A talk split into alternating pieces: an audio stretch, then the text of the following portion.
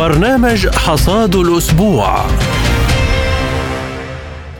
أهلا بكم مستمعينا الكرام في حلقة جديدة من برنامج حصاد الأسبوع. على مدار ساعة سنكون معكم. أنا محمد جمعة. وأنا نغم كباس. وفي حلقة اليوم واشنطن توافق على بيع أنظمة دفاع جوي وصاروخي لبولندا بقيمة 15 مليار دولار. إحراق نسخة من القرآن الكريم في السويد وبوتين يؤكد أنها جريمة تعاقب عليها روسيا. احتجاجات عنيفة في فرنسا بعد قتل ضابط من الشرطة لقاصر.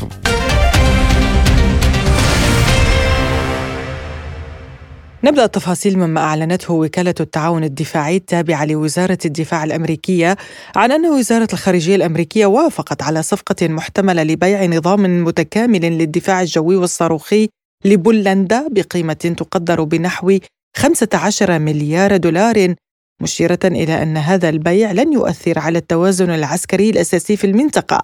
ولن يؤثر أيضا على جاهزية القوات المسلحة الأمريكية. من جهة أخرى أعلن المستشار الألماني أولاف شولتز أن بلاده يجب أن تكون مستعدة لتوريد تسليح طويل الأمد إلى أوكرانيا، معربا عن أمله في أن يتم حل النزاع بسرعة.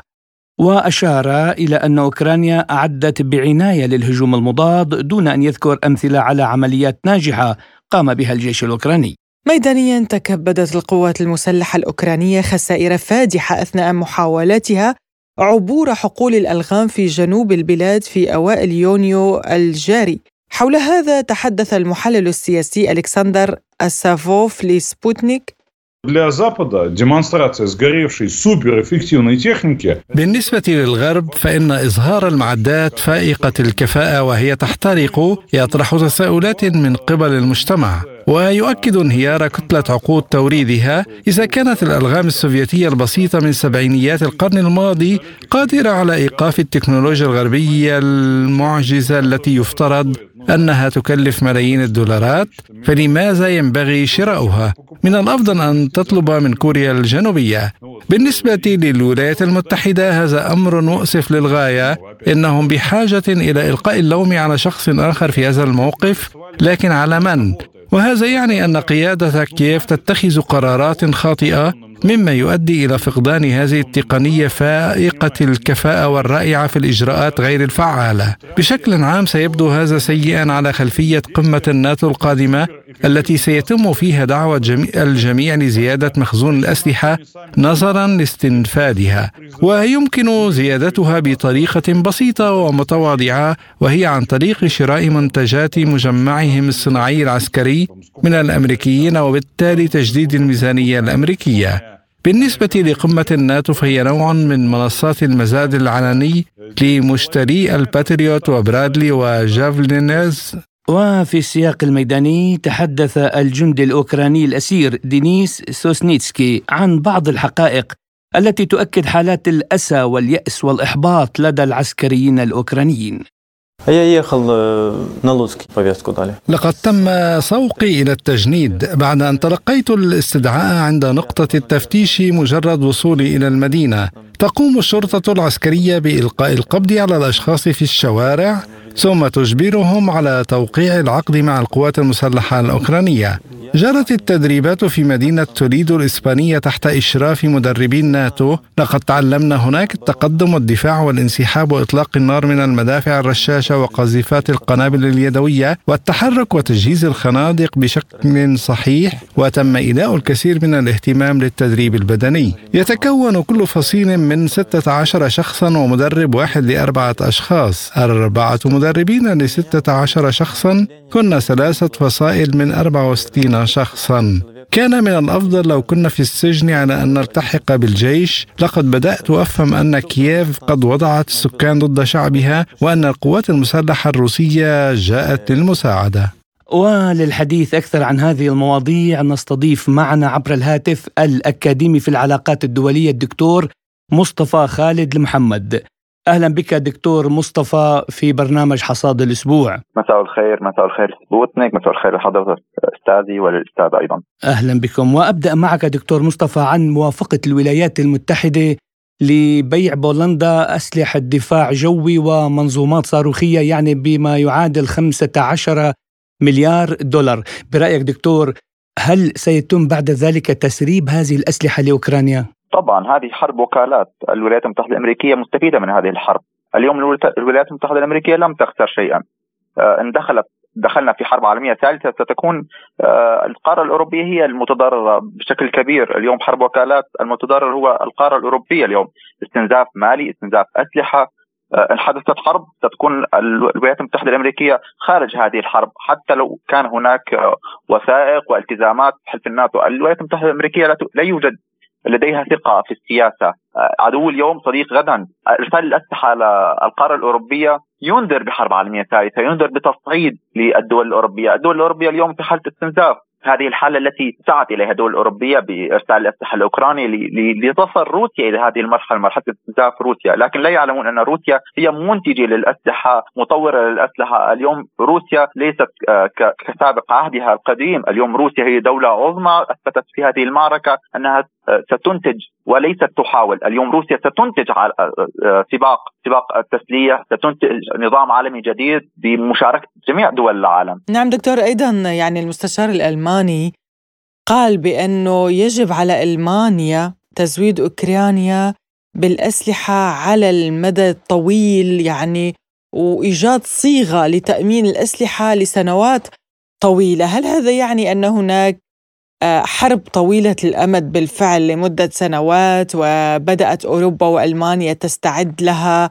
وأيضا هل هذا يعني أنه سنشهد استنزافا أكثر مما كان سابقا لمخزونات الأسلحة ومستودعات الأسلحة في أوروبا والتي أصبحت شبه فارغة حاليا. ألمانيا آه، قصة جديدة، ألمانيا آه، في وثيقه وثيقتها الاستراتيجيه وثيقة الاستراتيجية الامن القومي اعتبرت روسيا أنها التهديد الأكبر للسلام والأمن في أوروبا ومنطقة الأطلسي، فاليوم ألمانيا ستواصل تقديم طائرات يمكنها حمل أسلحة نووية لحلف الناتو لجميع الدول، وأكدت أن هذه الأسلحة النووية سترسلها أيضا إلى أوكرانيا بوثائق تم إثباتها وموجودة الآن في روسيا، اليوم المانيا إذا تم قطع فقط إذا تم قطع الغاز الغاز الفوري عن ألمانيا ستبلغ ألمانيا آه، خسارة جدا كبيرة بما يعادل 220 مليار يورو في عامين. كل الأحوال هي تحتاج للغاز الروسي من أجل إنتاج هذه الأسلحة وتشغيل مصانعها. إن خسارة روسيا في هذه العملية لا يعني إنه خسارة روسيا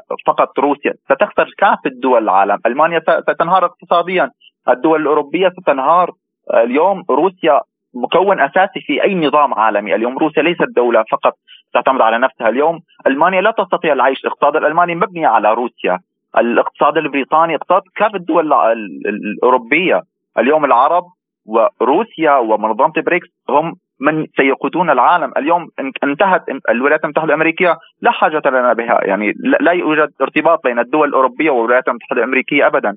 الولايات المتحدة الأمريكية هي اليوم سوق بديل لروسيا لكن لا تستطيع سد كافة احتياجات الدول الدول الأوروبية، الدول الأوروبية لديهم العديد من السيناريوهات، قد تنتهي الحرب في هذا العام في نهاية هذا العام وقد تنتهي الحرب في في عام 2025 ولا عام 2030 آه هناك العديد من السيناريوهات يحاولون آه الآن الدول الأوروبية جميعهم يتضررون. اقتصاديا آه، اليوم الدول الأوروبية استنزفوا الاحتياطات من الأسلحة المخزون الاحتياطي. قد إن قامت حرب عالمية ثالثة ستكون سيخسرون الدول الاتحاد الأوروبي. آه، الآن ألمانيا تحاول تزويد أوكرانيا بطائرات تحمل أسلحة نووية. لن نستبعد أيضا استخدام أسلحة نووية في أوكرانيا. اليوم الأوكران يوجد فيها مرتزقة من الأجانب كافة دول العالم. آه، لا في في في في سياسة الحرب وفي استراتيجية الحرب لا يوجد هناك آه، مواثيق وعهود يعني. أن تم إرسال طائرات أو أسلحة نووية أو كيماوية سيتم استخدامها. أوكرانيا ستستخدم كافة الأسلحة. ما ما سيتم إرساله سيتم استخدامه. الحرب قد تكون آه، طويلة الأمد قد تكون قصيرة الأمد. لكن برأيي أنها في نهاية العام أو في العام القادم ستنتهي. روسيا اليوم لا تريد حرب تريد سلام تريد آه، تنتج تريد إنتاج آه، نظام عالمي جديد مبني على كافة مكونات دول العالم، تريد إسقاط هيمنة الولايات المتحدة الأمريكية عن كافة دول العالم، رأيناها في دول آه، الدول العربية، لا أنا أنا كعربي لا أرى أن الدول العربية تتمتع باستقلال فعلي، اليوم أنا فخور بأنني عربي، الدول العربية اليوم تشارك في قرار عالمي. اليوم المملكة العربية السعودية وقطر ومصر والجزائر وسوريا. كافة الدول العربية اليوم لها كلمتها القوية في النظام العالمي. إن تم إنتاج هذا النظام العالمي وسقطت هيمنه الولايات المتحدة الأمريكية أرى أن العالم سيتجه إلى السلام طبعا. لذلك اذا لاحظت دكتور إنه وزير خارجية روسيا سيرجي لافروف ناقش مع آه، سفراء مجموعة العشرين ناقش معهم موضوع آه، يعني الضغوط الغربية على الدول النامية لجرها إلى الصراع في أوكرانيا. برأيك يعني هذا هل يمكن أن نقول أن هناك نزعة بين أعضاء العشرين يعني أو عدم قبول أو رفض للتعاون الوثيق مع الغرب. هناك هل هناك من تذمر؟ آه العرب آه لا يوجد لديهم آه حل وسطي. أما مع أو ضد إن قامت حرب سيكون العرب مع مصلحتهم. اليوم رأينا العديد من الدول العربية حددت مساراتها. اليوم الولايات اليوم المملكة العربية السعودية حددت مسار فعلها. اليوم تريد أن تكون قائد للمنطقة العربية وهذه سياسة صحيحة. وارى ان قيادة الولي العهد محمد بن سلام قيادة آه، ولي عهد السعودية آه، قيادة صحيحة وجميلة وترمز للازدهار في المنطقة العربية. اليوم الدول الأوروبية في كافة مواثيقها في كافة منظماتها الحقوقية التي تدعي الحقوقية والإنسانية هي كاف مواثيق آه، يعني اتجاه اتجاه واحد صاحبة اتجاه واحد أي قضية تهم الولايات المتحدة الأمريكية والدول الأوروبية ولصالح الدول الأوروبية ستقوم بترويج لها بشكل جدا كبير. اليوم الولايات المتحدة الأمريكية، أمريكا وبريطانيا تعتبرها القائدة للقارة الأوروبية، بريطانيا لا لا تهتم بوضع الشرق الأوسط أو للدول الأفريقية أو الدول النامية. دولة نامية لا أرى أن هناك دول نامية هذا المصطلح يعني استصناع يعني تم صنعه من قبل الولايات المتحده الأمريكية للهيمنة على هذه الدول لإبقاء لإبقاء يدها على هذه الدول لسرقة خيرات هذه الدول. لا توجد دول نامية توجد دول مسروقة. هذه الدول تم سرقتها عن طريق بريطانيا والاستعمارات الاستعمار الفرنسي والولايات المتحدة الأمريكية لعقود اليوم حان وقت آه، انهاء هذه الهيمنة، انهاء هذا آه، آه، السيطرة، السرقة، تعتبره سرقة لأن الولايات المتحدة الأمريكية إلى هذه اللحظة تسرق النفط السوري من أراضي الجمهورية العربية السورية، أين توجد أمريكا؟ توجد سيطرة وسرقة ونهب. هذه هي سياسة الولايات المتحدة الأمريكية، أما سياسة روسيا، روسيا أينما تحل يحل السلام، لم ولن لم يكن أحد يعرف ولا يعني في في التاريخ الحديث والقديم لم نرى روسيا يعني آه، أجرت حرب أو قامت بحرب ضد العرب أو ضد أي دولة في العالم. جميع الحروب التي تتم إلى هذه اللحظة هي وراءها الولايات المتحدة الأمريكية والسياسة الأوروبية. نعم دكتور يعني الولايات المتحدة الأمريكية والاتحاد الأوروبي اليوم لديهم تصريح جديد آه، بالرغبة بالمفاوضات. يعني يقول آه، تقول واشنطن أو البيت الأبيض بأنه ربما هناك مفاوضات قريبة آه، بين كييف وموسكو وأيضا هناك تسريبات في وسائل الإعلام الغربية بأن وخاصة الألمانية أن آه، المفاوضات ستكون الشهر المقبل يوليو تموز يعني هل يمكن أن نفهم أنه بعد فشل الهجوم المضاد وفشل محاولة التمرد في روسيا بدأ الغرب يضغط على زيلينسكي آه، من أجل المفاوضات لأنه لا خيار آخر حاليا سوى المفاوضات؟ روسيا لم تكن ولن تكن إلا آه، بادره السلام، اليوم لم تغلق موسكو أبوابها للمفاوضات وعملية السلام، لكن لم أرى هذا النهج تتبعه الولايات المتحدة الأمريكية والدول الأوروبية، اليوم يريدون التصعيد، يريدون حرب، يريدون أن تخسر آه، أوكرانيا هذه الحرب آه، بكوادرها، يعني اليوم الولايات المتحدة الأمريكية تقول تقول سندعم سندعم أوكرانيا، بريطانيا ستقول سندعم أوكرانيا، جميعهم يريدون أوكرانيا هي تخسر، اليوم إذا رأينا أوكرانيا آه، مدمرة جدا الحضارة السوفيتية ساقولها من مباني من من تماثيل من من حضارة. هذه كلها آه، قد تصبح على الأرض وأصبحت على الأرض آه، بشكل فعلي. اليوم الخاسر الأكبر هي أوكرانيا. رأيت اليوم العديد من المقالات التي تقول قائد عظيم كفلاديمير بوتين مقابل ممثل كزيلينسكي من سيفوز في هذا الحرب؟ يعني المقالات وجميع المؤشرات تثبت أن زيلينسكي هو فقط ممثل ويقوم بحرب يعني بالوكالة نعم. وكالات وكالات الخاسر يعني أنا أنا حزين جدا أن الخاسر الوحيد هو الشعب الأوكراني الشعب الطيب الشعب الشعب آه، المضياف. لكن إذا قائدهم هكذا يعني شخص ممثل ومسرحي و... هو للأسف أحيانا يكون آه، لا لا حول ولا قوة للشعب عندما يكون مثلا تحت ضغوطات معينة وتعلم أن هناك إجبار للمواطن الأوكراني على حمل السلاح بوجه أخيه الروسي. طبعا كنت فترة من الفترات في أوكرانيا ورأيت العديد من الحالات التي يجبرون على الأطفال الذين يبلغون الخامسة عشر والسبعة عشر من العمر حمل السلاح آه، العديد من الحالات الذي لم يسمح لهم بالخروج إلى الداخل الأوروبي أوكرانيا ستضحي في العديد الصغير والكبير. لا لا يعني المال هو الهدف الأساسي لزيلينسكي. نعم وبضدها تتميز القامات دكتور مصطفى الأكاديمي في العلاقات الدولية الدكتور مصطفى خالد محمد. كنت معنا ضيفا عزيزا في برنامج حصاد الأسبوع. شكرا لكم. أهلا. وإلى ملفنا التالي حول القرار المستنفذ الذي اتخذته السلطات السويدية بمنح تصريح لحرق نسخة من القرآن الكريم أمام مسجد في العاصمة ستوكهولم في أول أيام عيد الأضحى المبارك ما أثار غضب واستنكار جميع المسلمين حول العالم. ففي روسيا أكد الرئيس الروسي فلاديمير بوتين خلال زيارته لأحد مساجد داغستان الروسية لتهنئة مسلميها بالعيد أن عدم احترام القرآن يعتبر جريمة في روسيا خلافا لبعض الدول الأخرى. هذا مقدس بالنسبة للمسلمين وبالنسبة للآخرين أيضا. نحن نعلم أنهم في بلدان أخرى يتصرفون بشكل مختلف فهم لا يحترمون المشاعر الدينية للناس ولا يجرمون هذا العمل. في بلدنا يعتبر هذا العمل جريمة سواء بموجب الدستور أو بموجب المادة 282 من القانون الجنائي للاتحاد الروسي. تندرج هذه الجريمة بعدم الاحترام والتحريض على الكراهية بين الأديان ونحن سنلتزم دائما بهذه القواعد التشريعية. ونددت الدول العربية والإسلامية بهذا القرار إذ دان العالم الأزهري الدكتور أحمد كريمة إحراق وتدنيس القرآن الكريم مشيدا بمواقف الرئيس الروسي فلاديمير بوتين وبلاده تجاه الإسلام والمسلمين.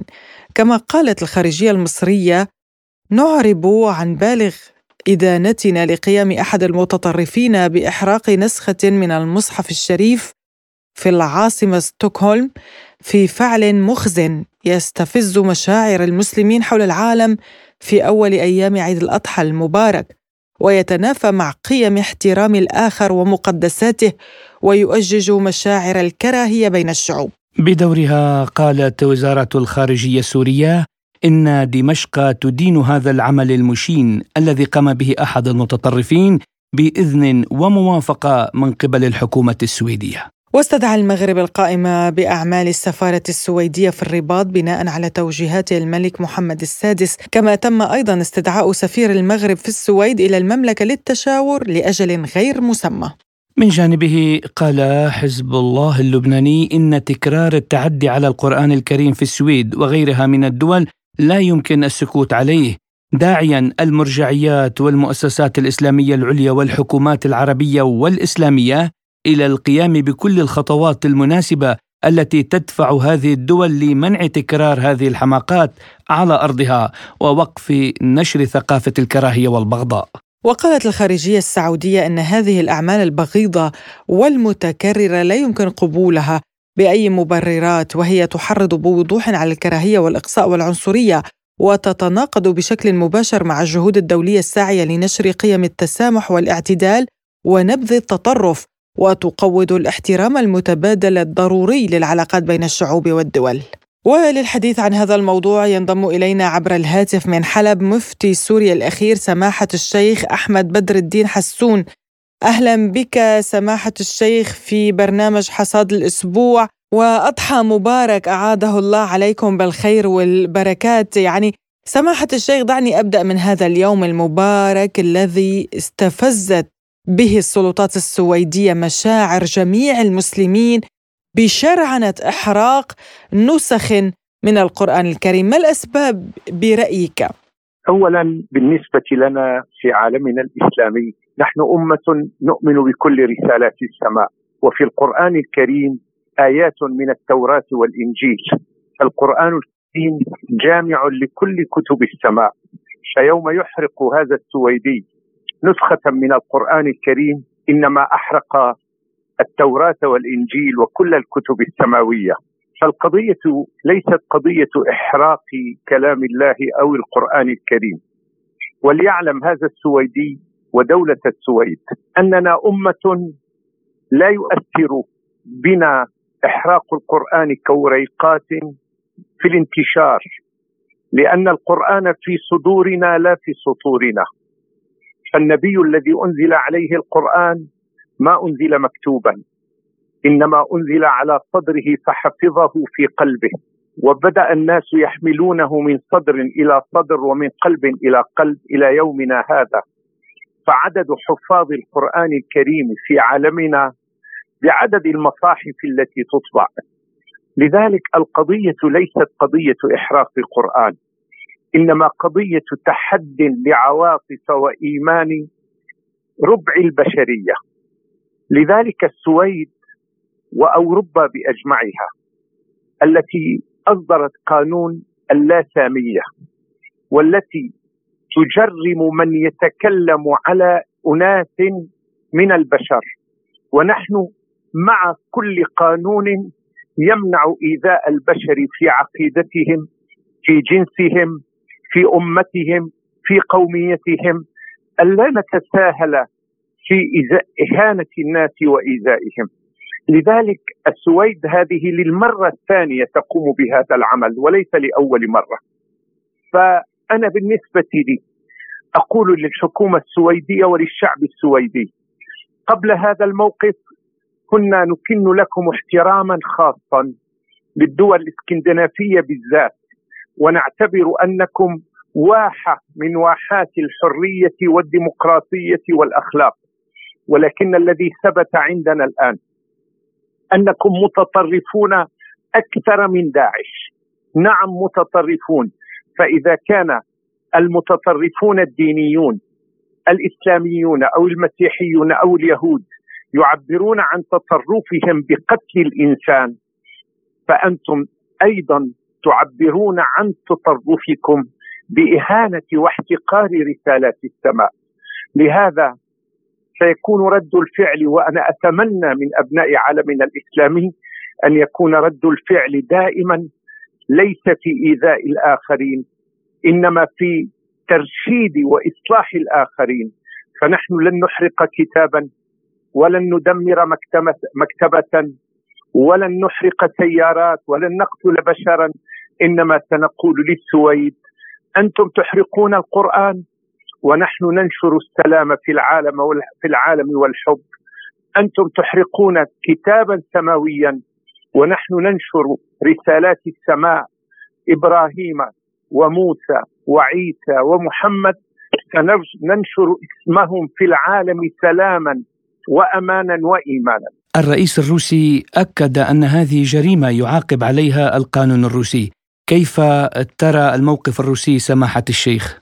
روسيا والقرآن الكريم فهل تعرفين سيدتي أن أقدم نسخ القرآن الكريم كانت في روسيا ولا زالت في الجمهوريات الروسية السابقة وأنه حفظ عليها منذ آلاف السنين وأن أبناء الجمهوريات الروسية وكان اسمها السوفيتية كانوا يحفظون القرآن في صدورهم بشكل عجيب ولو لم يكن هنالك نسخ من القرآن الكريم ولكن يشكر للرئيس بوتين هذه اللفتة ويشكر له دائما حضوره وتأييده ودعمه للقيم الروحية بكل رسالاتها السماوية. ما ردود فعل الدول الإسلامية المتوقعة برأيك؟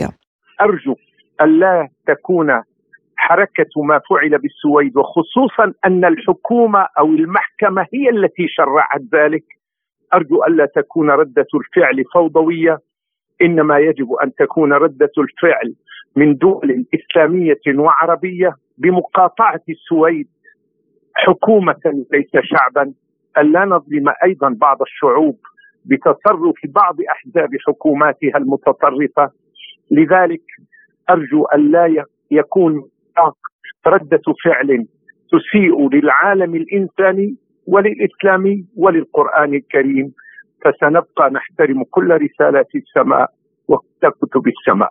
مفتي سوريا الأخير سماحة الشيخ أحمد بدر الدين حسون كنت معنا عبر الهاتف. أشكرك جزيل الشكر على هذه المداخلة. ونثمن تلبيتكم لدعوتنا رغم أنه أيام عيد أعاده الله عليكم بكل الخير وفي تركيا استنكر وزير الخارجية هاكان فيدان عملية حرق القرآن في السويد معتبرا أن حرية التعبير لا تعني السماح بالقيام بأعمال معادية فكيف سيؤثر ذلك على مفاوضات انضمام السويد إلى الناتو؟ عن هذا السؤال أجاب الخبير بالشأن التركي الدكتور فراس رضوان أوغلو قائلا طبعا قضية حرق القرآن هي قضية مرفوضة عن جميع العالم الإسلامي وليس فقط تركيا ولذلك ردة الفعل ستكون ضمن هذا الإطار أولا. ثانيا بالنسبة لتركيا والعلاقات مع السويد لابد من السويد أن تغير نمط وتفرض قيودا جديدة أو لنقل قوانين جديدة. من ضمنها أظن هذه قوانين لا تكون حرية التعبير تمس الأديان وتحديدا الدين الإسلامي وغير الأديان. إضافة إلى بعض القوانين التي تمنع تمدد الإرهاب بمعنى نحن لا نعلم هل خلف هذا الحرق أناس يتبعون لأي تنظيمات تعادي تركيا أو تريد تقسيم تركيا ولذلك يريدون إفشاء وإبقاء القطيعة بين الطرفين. على هذا المنطلق أظن ستنطلق تركيا. يعني بمعنى رفض أولا حرق القرآن مهما كانت الدولة ومهما كان السبب ثانيا سن قوانين لمنع سواء حرق القرآن هذا في الداخل وأي امتداد أو أي تقوية لعناصر إرهابية سواء ماليا أو إعلاميا أو حتى عسكريا.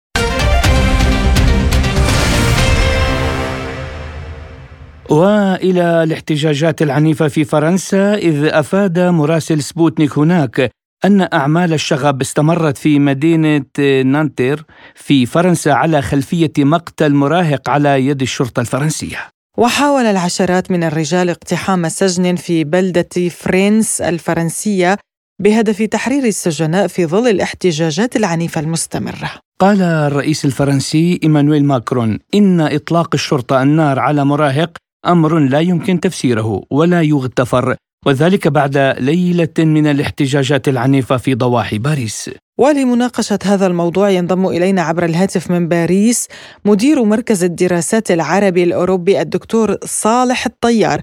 أهلا بك دكتور صالح في برنامج حسد الأسبوع ونبدأ مما يحدث في باريس. لماذا قتل الضابط طفلا قاصرا؟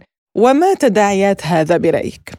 اولا أنا لسه شايف آه، على وكالة الانباء الفرنسية آه، ما مفاده أن النائب العام الفرنسي آه، اصدر قرار أو بما معناه وضح أن الخطأ الذي ارتكبه الطفل الفرنسي أو الفرنسي العفو من الجزائريين أو غيرهم لا تستحق استعمال القوة المفرطة بمعنى استعمال النار الرصاص اللي هو أدى إلى قتل هذا الطفل. فاذا بالتالي خرجنا من من من ناحية استعمال القوة رسميا من الجهات جهاز الضبط البوليسي يعني من البوليس اثنين هذه مو أول مرة فرنسا تشوف مشاكل بالشكل العالمي. آه، بالنسبة للاعتراضات والمعارضات هذه دائما فرنسا بتعيشها بالنسبة بالذات للطبقات الفقيرة اللي هي بتعتقد نفسها انه لها حقوق أكثر من حقوقها. لازم نعرف تماما يعني كلنا عرب وكلنا مهاجرين يعني نعمل في فرنسا كلنا عندنا مشاكلنا في دولنا العربية وفي أوروبا وفي روسيا عندك. لكن ما تصل إلى حجم فرنسا آه، حجم بحجم فرنسا. لأنه اولا فرنسا العامل في فرنسا يعمل أقل ساعة عمل من مقارنه بغيره من بريطانيا وسويسرا وإلى آخره. العامل في فرنسا عليه امتيازات بياخذ امتيازات غير طبيعية اجتماعية وطبية وإلى آخره. العامل في فرنسا بياخذ شو يسموها تقاعد بشكل يعني في الحقيقة ومساعدات اجتماعية مفرطة. العامل في فرنسا نصهم غير شرعيين وهذا كمان مؤذي لأنه أنا كدافع ضرائب آه وهنا هنا الفرق تماما إنه في فرق كبير بين مواطن أو بتعالج وبيأخذ خدمات كاملة بإقامة الشرعية لأنه بيدفع ضرائب بالمقابل لازم يأخذ هذه الخدمات وحق مكتسب والآخر اللي بيدخل بطريقة غير شرعية بيعمل وبيتمتع في الحالات الحرجة الصحية بكل العناية الصحية الفائقة بل يعطوهم بطاقات عناية صحية. وهم غير لأن يقول لك هذا أمر إداري وهذا أمر إنساني. بمعنى أنه ما عنده بطاقة إقامة أو ما عنده تصريح عمل أو أو هذه أمور إدارية. أما إن أتركه مريض ويمرض وما عالجه لا هذه أمور إنسانية. دكتور صالح كيف ستتصرف السلطات الفرنسية برأيك لتمتص غضب الشارع؟ وهل ستتم محاكمة الضابط بشكل نزيه؟ طبعا. طبعا طالما النائب العام أصدر أصدر بيان وأصدر قرار بأن هذا ليس عملا مشروعا طبعا حيحاسب. طبعا حيحاسب لأنه لا لا في, فرنسا لا تفرق لا تفرق هذا هو هذا هذه العدالة العدالة الناجزة. في القانون الفرنسي الضابط أو المسؤول اللي أخطأ وتجاوز صلاحياته الضبطية طبعا يلاحق ويحاسب محاسبة الآخرين. أنا أنا أنا صالح طيار ابني. في يوم من الأيام تجاوز طلب منه أحد الأشخاص أعتقد آه ادعى أنه هو ضابط. هو فعلا ضابط بوليس أو بس سري طبعا الابن ما يعلم الابن ما كان يعرف أنه هو ضابط وكذا فتطاول عليه بالألسن. مجرد انه هو ضربه بالقلم تحاسب هذا العسكري. كان المفروض يقدم له بطاقته أنا أنا عسكري أمني لو سمحت اثبت هويتك. اللي هو شيء مشروع. في أي بلد أنت في مسؤوليه أجنبية. ما بي ما بتعدي عليك تنطلب منك كرت الإقامة وكرت الهويه من السلطة المحل من, من صاحب العلاقة. لكن ما يجيك بطريقة سرية وياخذ منك وبعدين يضربه وبعدين يقول له والله أنا كنت بمارس نشاط لا هذا النشاط السري للأعمال السرية للأعمال التخريبيه مو للأعمال الكنترول المراقبة الطبيعية العادية الحماية المدنية وإلى آخره. فأنا أشوف ان فرنسا لا ما لازم ما حتى حتحاسب هذا الضابط وحتحاسب كل من تسبب أيضا في اثاره هذا الشغب زي زيها زي غيرها كثير. إحنا نفتكر قبل سنتين اللي انحرق في محطة الكهرباء في دولاب الكهرباء وكانوا في في أماكن البوليس يخاف يدخلها عشان لا يتصادم مع الناس اللي جوا. وانطوا امتصوها وخلاص اصبحت صفحه وانطوت. مدير مركز الدراسات العربي الأوروبي في باريس الدكتور صالح الطيار شكرا لك على هذه المداخلة.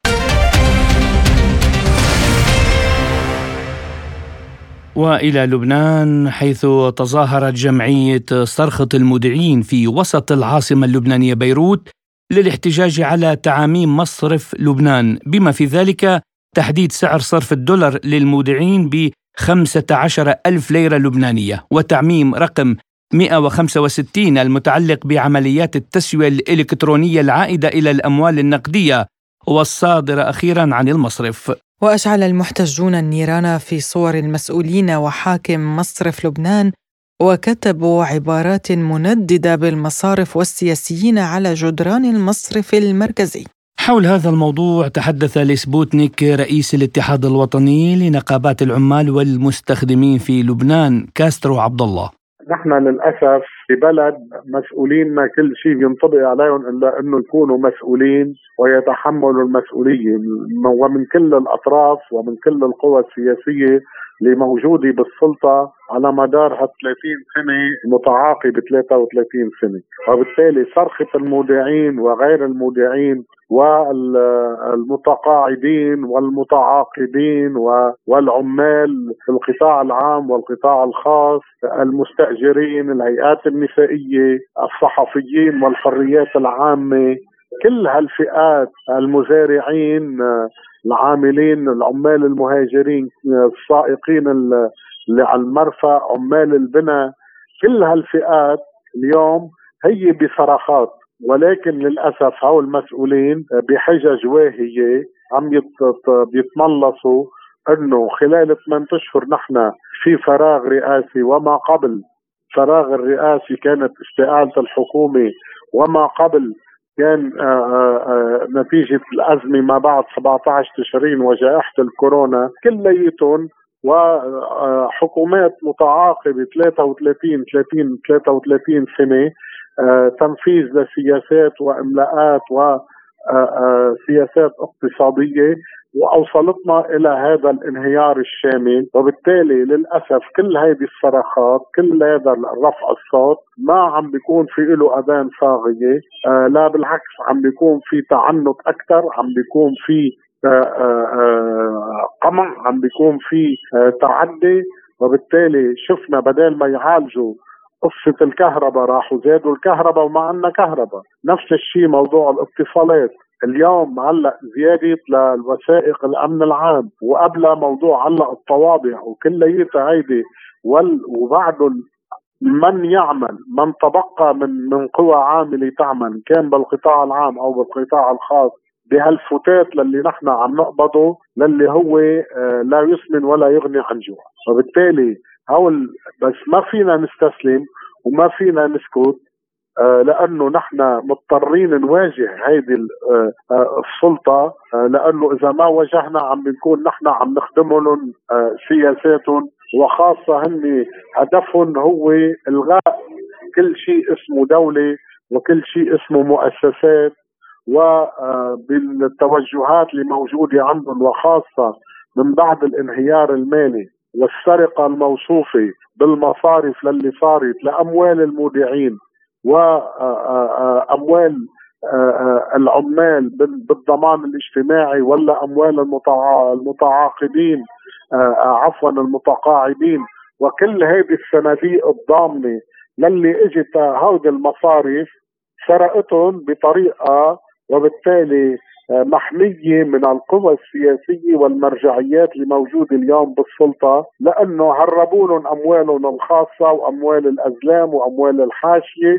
وبالتالي نحن اليوم ندفع الثمن أكثر كل يوم عن اليوم اللي قبله بالسياسات للمجتمع. لذلك نحن رح نضلنا بالمواجهة.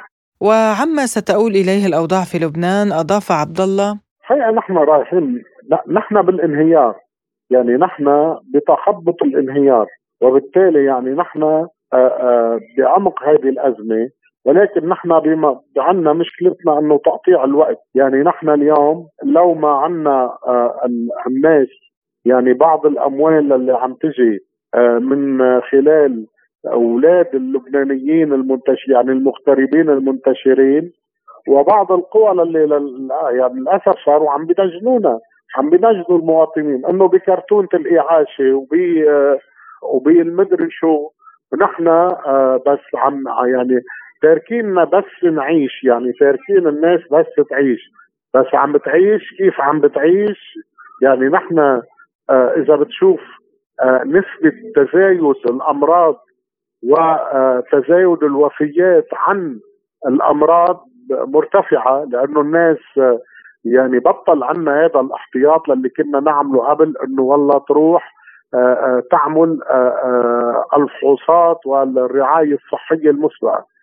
اليوم عندنا موضوع التعليم للي أنت شايف اليوم بدأ الانهيار أكثر يعني لنا سنوات هلأ وإلغاء الشهادات كمان هيدي كارثة كبرى وبالتالي كمان عدم التعليم للأطفال. يعني الإضرابات ونتائج الازمه اللي مش عم تخلي المعلمين يقدروا يروحوا على شغلهم ليقوموا بدورهم.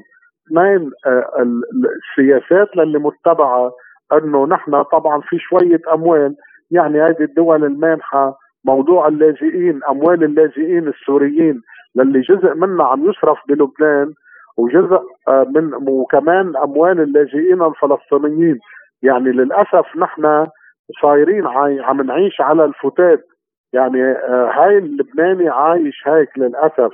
يعني على بعض المساعدات وبعض الفتات آه، والناس يعني حتى عم تتسرب.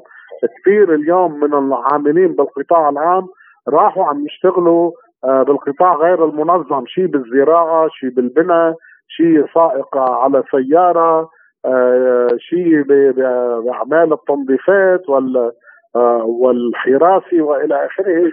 فهي كليته دليل. وبنشوف قديش نسبة البطالة المرتفعة كمان وهي كليته عم بيأثر. لذلك يعني نحن عنا هاي الأزمة وانعكست على كل شيء. يعني على الأمن الصحي على الأمن الغذائي على الأمن التعليمي على كليتها هاي القضايا نحن اللي كان يشتهر فيها لبنان ويتغنى فيها اليوم بدأ بدأنا نفقدها لأنه نحن بقعر الأزمة وعن المطلوب لحل هذه الأزمات الاقتصادية والاجتماعية التي يعاني منها لبنان تابع عبد الله يقول إذا ما في وجهة وما في حل قريب بدءا من انتخاب لرئيس جمهورية يترافق مع حكومة وبرنامج للإصلاح آه، هذا النظام آه، ونفضه من بنيته ومن أساسه وخاصة بالقضايا الاقتصادية والاجتماعية وموضوع العمل وموضوع السكن وموضوع التعليم وموضوع الصحة وموضوع الخدمات الأساسية والبنى التحتية من كهرباء ومي واتصالات. يعني نحن إعادة تأسيس الدولة من جديد. وبالتالي هذا المطلوب لحتى ننهض بهاي البلد. وللأسف هذه الطبقة السياسية وهي القوى الحاكمة اليوم هي ما ممكن تعمل هذا الشيء. لذلك المطلوب واللي عم ينشغل إنه نحن يكون في بديل. ولكن هذا البديل غير متوفر لأنه للأسف عمق الأزمة وهذه الدولة العميقة للي ضاربة كل شيء واللي مهيمنة على كل شيء واللي آه، نهبت كل شيء. منا قادرة اليوم الناس تعبر عن حالها بشكل بالشارع آه، لحتى تعمل هذا التغيير. شفنا حتى انتخابات البلدية أجلوها. وبكره كمان ممكن الانتخابات النيابية. وهلأ ما بنعرف إمتى انتخابات الرئاسة وغيرها. وإذا انتخبوا رئيس هل راح يتفقوا على حكومة على مجلس وزراء على بيان مجلس الوزراء على خطة على إلى آخره؟ كلياته للأسف سلطة فاسدة مرتبطة بالخارج. كانت هذه مداخلة رئيس الاتحاد الوطني لنقابات العمال والمستخدمين في لبنان كاسترو عبد الله.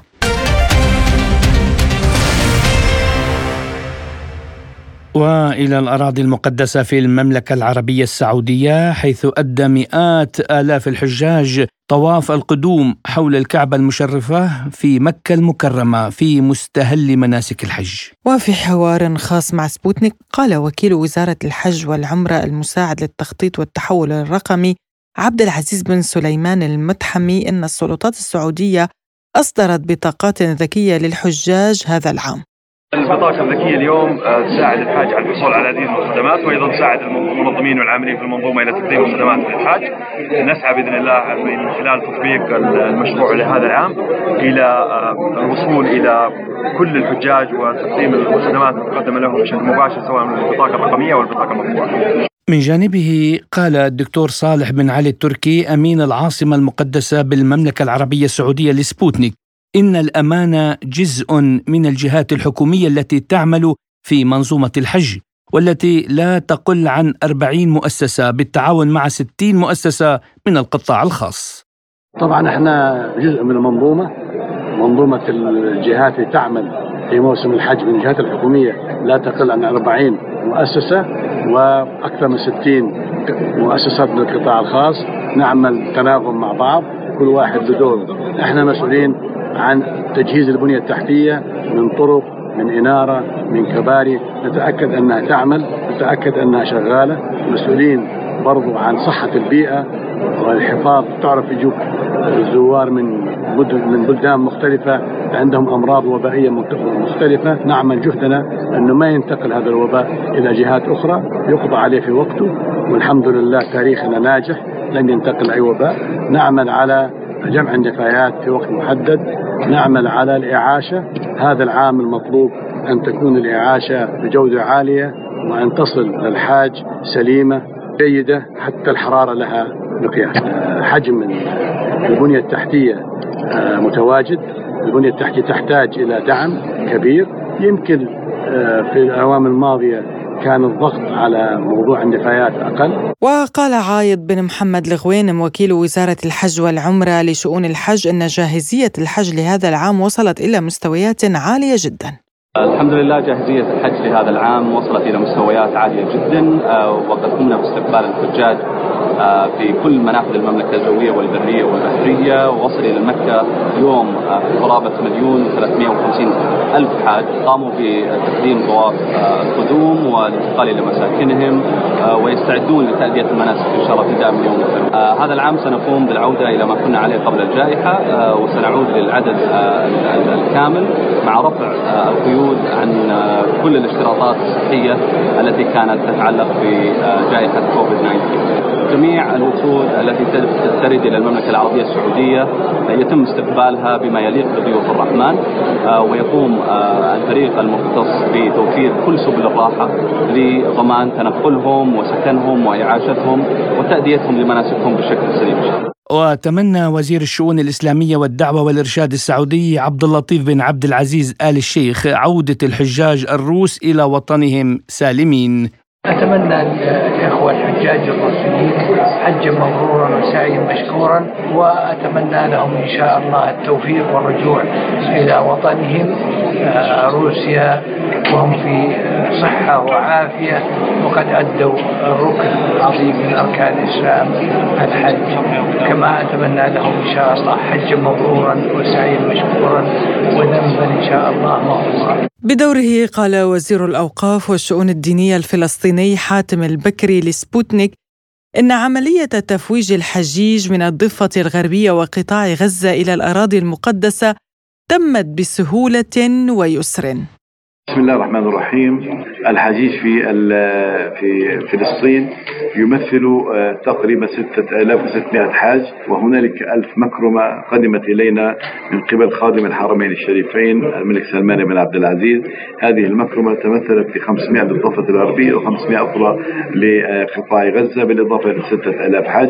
عملية تفويجهم كانت عبر آه، طريقين. الطريق الأول هو المملكة الأردنية الهاشمية وقد كان تفويجهم بسهولة مصر إذ إن جلالة الملك عبد الله الثاني بن حسين ملك المملكة الأردنية الهاشمية قد أوعز بإعطاء الفلسطينيين كل التسهيلات حتى يتم آه، آه، إدخالهم إلى الأرض الأردنية ومن ثم توفيجهم إلى المملكة العربية السعودية عبر المطار أو عبر البر ووصلوا كلهم جميعا إلى أولا إلى المدينة المنورة تشرفوا بزيارة رسول الله صلى الله عليه وسلم ثم بعد ذلك قدموا إلى هنا إلى مكة المكرمة وهم الآن يتهيأوا للذهاب إلى المشاعر المقدسة وإلى إلى صعيد عرفات الطاهر. كذلك الإخوة الذين توجهوا إلى الديار المقدسة عبر جمهورية مصر العربية في المحافظات الجنوبية خرجوا بإذن الله سبحانه وتعالى أيضا من خلال المعبر في رفح ومن ثم إلى مصر ثم تم نقلهم بالطائرات إلى مطار الملك عبد العزيز في جدة ووصلوا إلى أيضا إلى مكة المكرمة والآن جميع الحجيج في مكة المكرمة. وكذلك المكرمة وصلت المكرمة الأولى من قبل أو من الضفة الغربية إلى هنا والمكرمة الثانية الجزء الثاني من آه، محافظات الوطن الجنوبية. ستصل إن شاء الله صبيحة أمس أو مساء أمس ستكون هنا في المملكة العربية السعودية. وإن شاء الله خلال آه، بعد آه، بعد غدا بعد غد أو غد إن شاء الله في مساء في صبيحة اليوم التالي ليوم الاثنين سيتم عملية أو البدء في التفويج إلى صعيد عرفات. إن شاء الله نتمكن من تفويجهم بسهولة ويسر وجميع المراحل التي مررنا بها كانت سهلة ويسيرة على حجيجنا وقد وصلوا إلى كل المواقع والأماكن بسهولة ويسر. آملا أن نتمكن أيضا من الوصول إلى الحج النهائي بسهولة ويسر وأن يحفظ هؤلاء الحجيج بحفظ الله ورعايته وأن يعودوا إلى أوطانهم سالمين بإذن الله. وقد تقبل الله سبحانه وتعالى حجهم وقبله وغفر لهم ذنوبهم. وبهذه المناسبة هنأ الرئيس الروسي فلاديمير بوتين مسلمي روسيا بعيد الأضحى. لافتا إلى أن هذه المناسبة تحمل معاني أخلاقية وروحية عميقة وأن المسلمين يزرعون قيم الخير والرحمة والعدالة في المجتمع ويؤدون دورا كبيرا وإبداعيا في حياة البلاد ويسهمون بشكل كبير في تعزيز السلم الأهلي ويحافظون على القيم الأسرية وتنشئة جيل صالح. وللأسف يمر العيد على بعض الدول العربية بشكل مأساوي إما بسبب الأزمات الاقتصادية أو الهرب من النزاعات المسلحة إذ تحدثت نسوة من السودان لسبوتنيك عن معاناتهن.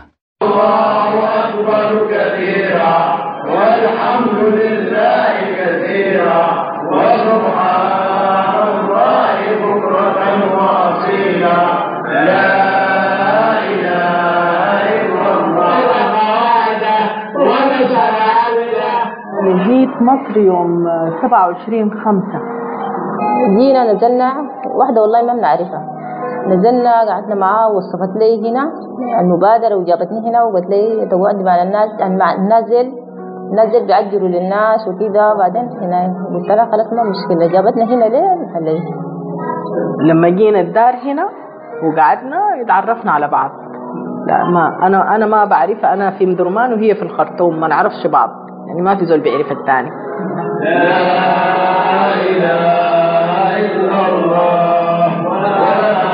عيد الأضحى في السودان آه، جميل خالص. يعني كون إنه الزول يكون في بلده في بيته قدام أهله طبعا بيكون العيد جميل أكثر يعني. أول يوم في العيد بنمشي الصلاة أول نمشي نصلي, صلاة العيد ولو عندنا خروف كمان بنجي نذبح الخروف وبنوري يعني نطلع السبعة كمان حقتنا دي أهم حاجة حقت لحمة نوزعها للجيران ويلا بعد سنة يلا عندنا ناس أمي وأخواتي بيجوا. بيقعدوا معانا اليوم ده ننتهي خلاص يرجعوا البيت. ثاني يوم بنمشي نزور الجيران والأهل كلهم. أهم العادات آه، هي الناس بتعيد على بعضها. آه، بيبقى لما نطح الخروف بتاعنا بيكون مثلا أخوك معاك أختك معاك اللي متجوزين بيتلموا في بيت واحد آه، بتكون لما مثلا النهارده عندي بكرة عند أخويا بعد بكرة عند أختي الثانية كل واحد بيكون هنا. غير كده الناس مع بعضها الجيران كده يعني. طريقة الأكل بتاعتنا مش زي هنا. بنشوي الخروف بنعمل حاجات كده.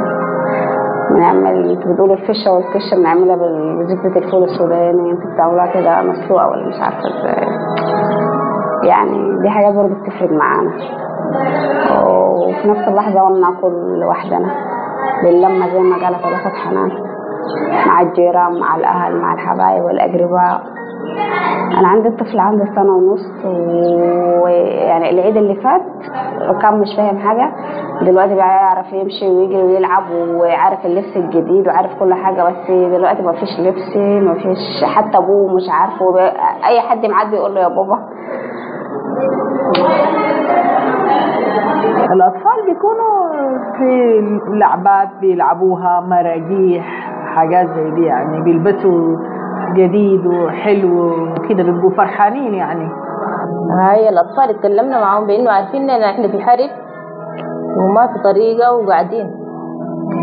قاعدين لنا في محل ما بيتنا ولا أي حاجة قاعدين في محل معين عارفين الحاصل شنو لسه مش فاهمين حاجة لكن هم الأطفال همهم كلهم يلبسوا حلو يعني. لكن أكيد ما زي عيدهم في بلدهم. العيد من بلد لبلد يختلف. والله عندي ست أطفال. عندي ولد لسه معي والخمسة معي. اللبس والله ما تكلمنا معهم. لأن إحنا لسه ما اشتغلنا ولا عندنا قروش عشان كده قاعدين ما بيسألوا يلا هم عارفين إننا ما عندنا قروش. ولا حاجة طبعا. لا ما فيش لبس أنا والله جيت بعبايتي دي ما نحن مرقنا من رصاص وتحت السراير وكده وجرينا. فالحاجة الوحيدة اللي أنا هنا جوازي وجواز بنتي. دي الحاجة الوحيدة اللي أنا جيت بيها وشنطتي دي بس ما جينا بحاجة نحن أول مرة نحضر العيد هنا فما نعرفش إزاي حيكون هنا. لكن عموما العيد في أي مكان جميل. مش عارفة هنا العيد حيكون كيف أكيد ما زي هناك. فاقدين ناسنا فاقدين الناس اللي كنا بنلم معاهم. عاداتنا تقاليدنا كل بلد لها عاداتها وتقاليدها. أكيد هنا ما. يا دوبك تعرفنا على اثنين. خلاص. أكتر دعاء ربنا يزيح الغمة من بلدنا ونرجع بلدنا وبلدنا ترجع زي أول حلوة وكويسة من غير حرب من غير ظلم من غير العيد الجاي إن شاء الله بلدنا تصلى ونرجع نكون ما زي أول البلد البلد تصلح إن شاء الله. وفي لبنان أيضا الوضع الاقتصادي أثر بشكل كبير على القوة الشرائية للمواطنين إذ تحدث عدد من لبنانيين لسبوتنيك قائلين. هذا البونبون الشوكولا كان يجي الواحد ياخذ 4 5 كيلو يعني بياخذ وقيه نص كيلو نص وقيه صارت هيك المسألة. إنه كله صار عم يتدنى. وأسواق ما في على مثل الأيام مثلا كان مثلا هون تلاقي آلاف من البشر رايحة جاي هلأ كل نص ساعة ليمرق فوز هذا هو إنه بشكل عام نحن كلياتنا على الأرض. آه، بالسابق نحن معودين هيدا المحل وكل المحلات البلد تبقى بهيك موسم رمضان بهيك موسم عيد. ينعاد عليكم يعني كانت العالم لبرا نقول للناس ما حدا يفوت لتطلع ناس لتفوت ناس قد ما يبقى في ضغط من الناس. لا أكيد تراجع 90% بالبلد. بالإجمال الأسواق ضعيفة. منا منا مثل قبل ونسبة الغلاء فادح وسات المعاشات على ما هي عليه وما صار زودات لهالناس. لأنه اقروا الزودات والناس ما عم تشوف شيء عم يطبق على الأرض. بتسمع بالزودات وما في شيء على الأرض. الموظف يعني عم يبكي. ما حدا عم يطلع فيه. والمسؤولين يعني شو بدنا نحكي؟ خلينا ساكتين أحسن لأنه لأنه الوضع متأزم على الناس كلها.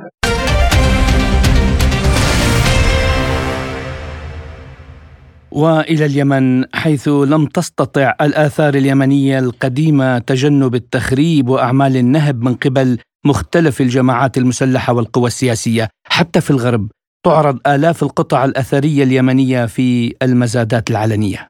حول هذا الموضوع قال عبد الكريم البركاني مدير عام حماية الآثار والممتلكات الثقافية لدى هيئة الآثار اليمنية في تصريح خاص لسبوتنيك فلا تقتصر الحروب على أن تكون هي الأسباب الرئيسية في دمار الشعوب أو دمار مآثرها أو تراثها الثقافي ايا كان في موقعه. فالحرب الدائرة في اليمن أضرت بالمواقع والمعالم الأثرية آه، حيث تم تدميرها أولا بأثناء الحرب المسلحة. آه، في اليمن تم تدمير الكثير من المواقع والمعالم الأثرية وفي الرقعة الجغرافية للجمهورية اليمنية. وأيضا هناك عامل آخر هو أن هناك جماعات تكفيرية انتجتها الحرب الدائرة في البلد لتدمير المواقع والمعالم الأثرية الإسلامية وقد دمرت الكثير من المواقع والمعالم الأثرية الإسلامية في خاصة في القطاع الغربي من الجمهورية اليمنية والذي ما زال يشهد